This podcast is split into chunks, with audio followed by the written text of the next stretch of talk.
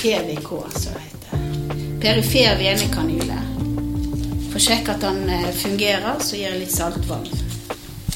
Sånn. Og da er du klar. Ja. Da er du klar til å begynne med medisin.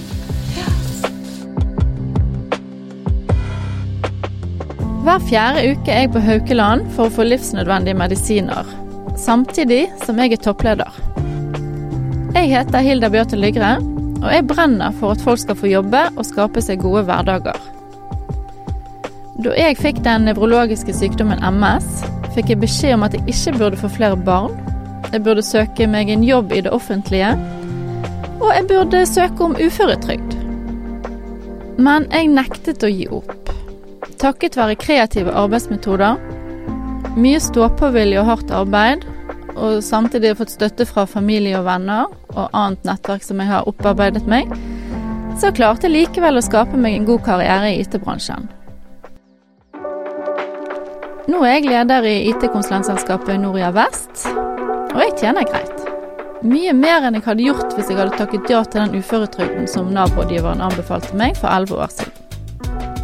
Jeg er en som leder med hjertet, og jeg elsker å feire.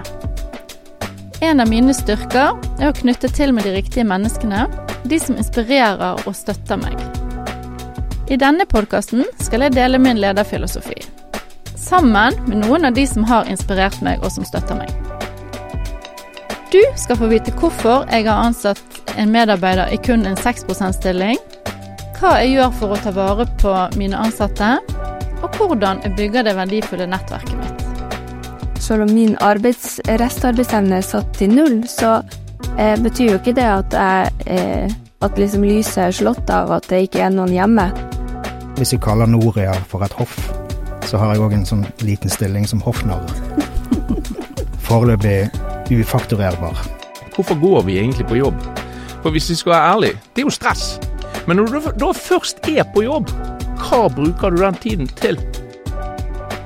Håpet mitt er at jeg med denne podkasten kan inspirere flere til å finne en måte å holde seg i arbeid på. Og at næringslivet blir mye bedre på å tilrettelegge for å bruke restarbeidsevnen til folk. Det er så godt å kjenne seg nyttig.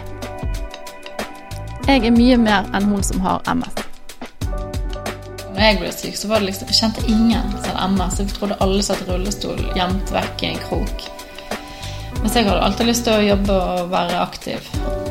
Så jeg tenker at det er viktig at flere står frem med sine ting. Det er jo ikke noe å skamme seg over. Det er, ikke min feil. Men hvordan vi tar det, er jo vårt ansvar. Så vi har nå dette livet, så vi vet om. Så vi får gjøre det beste ut av det.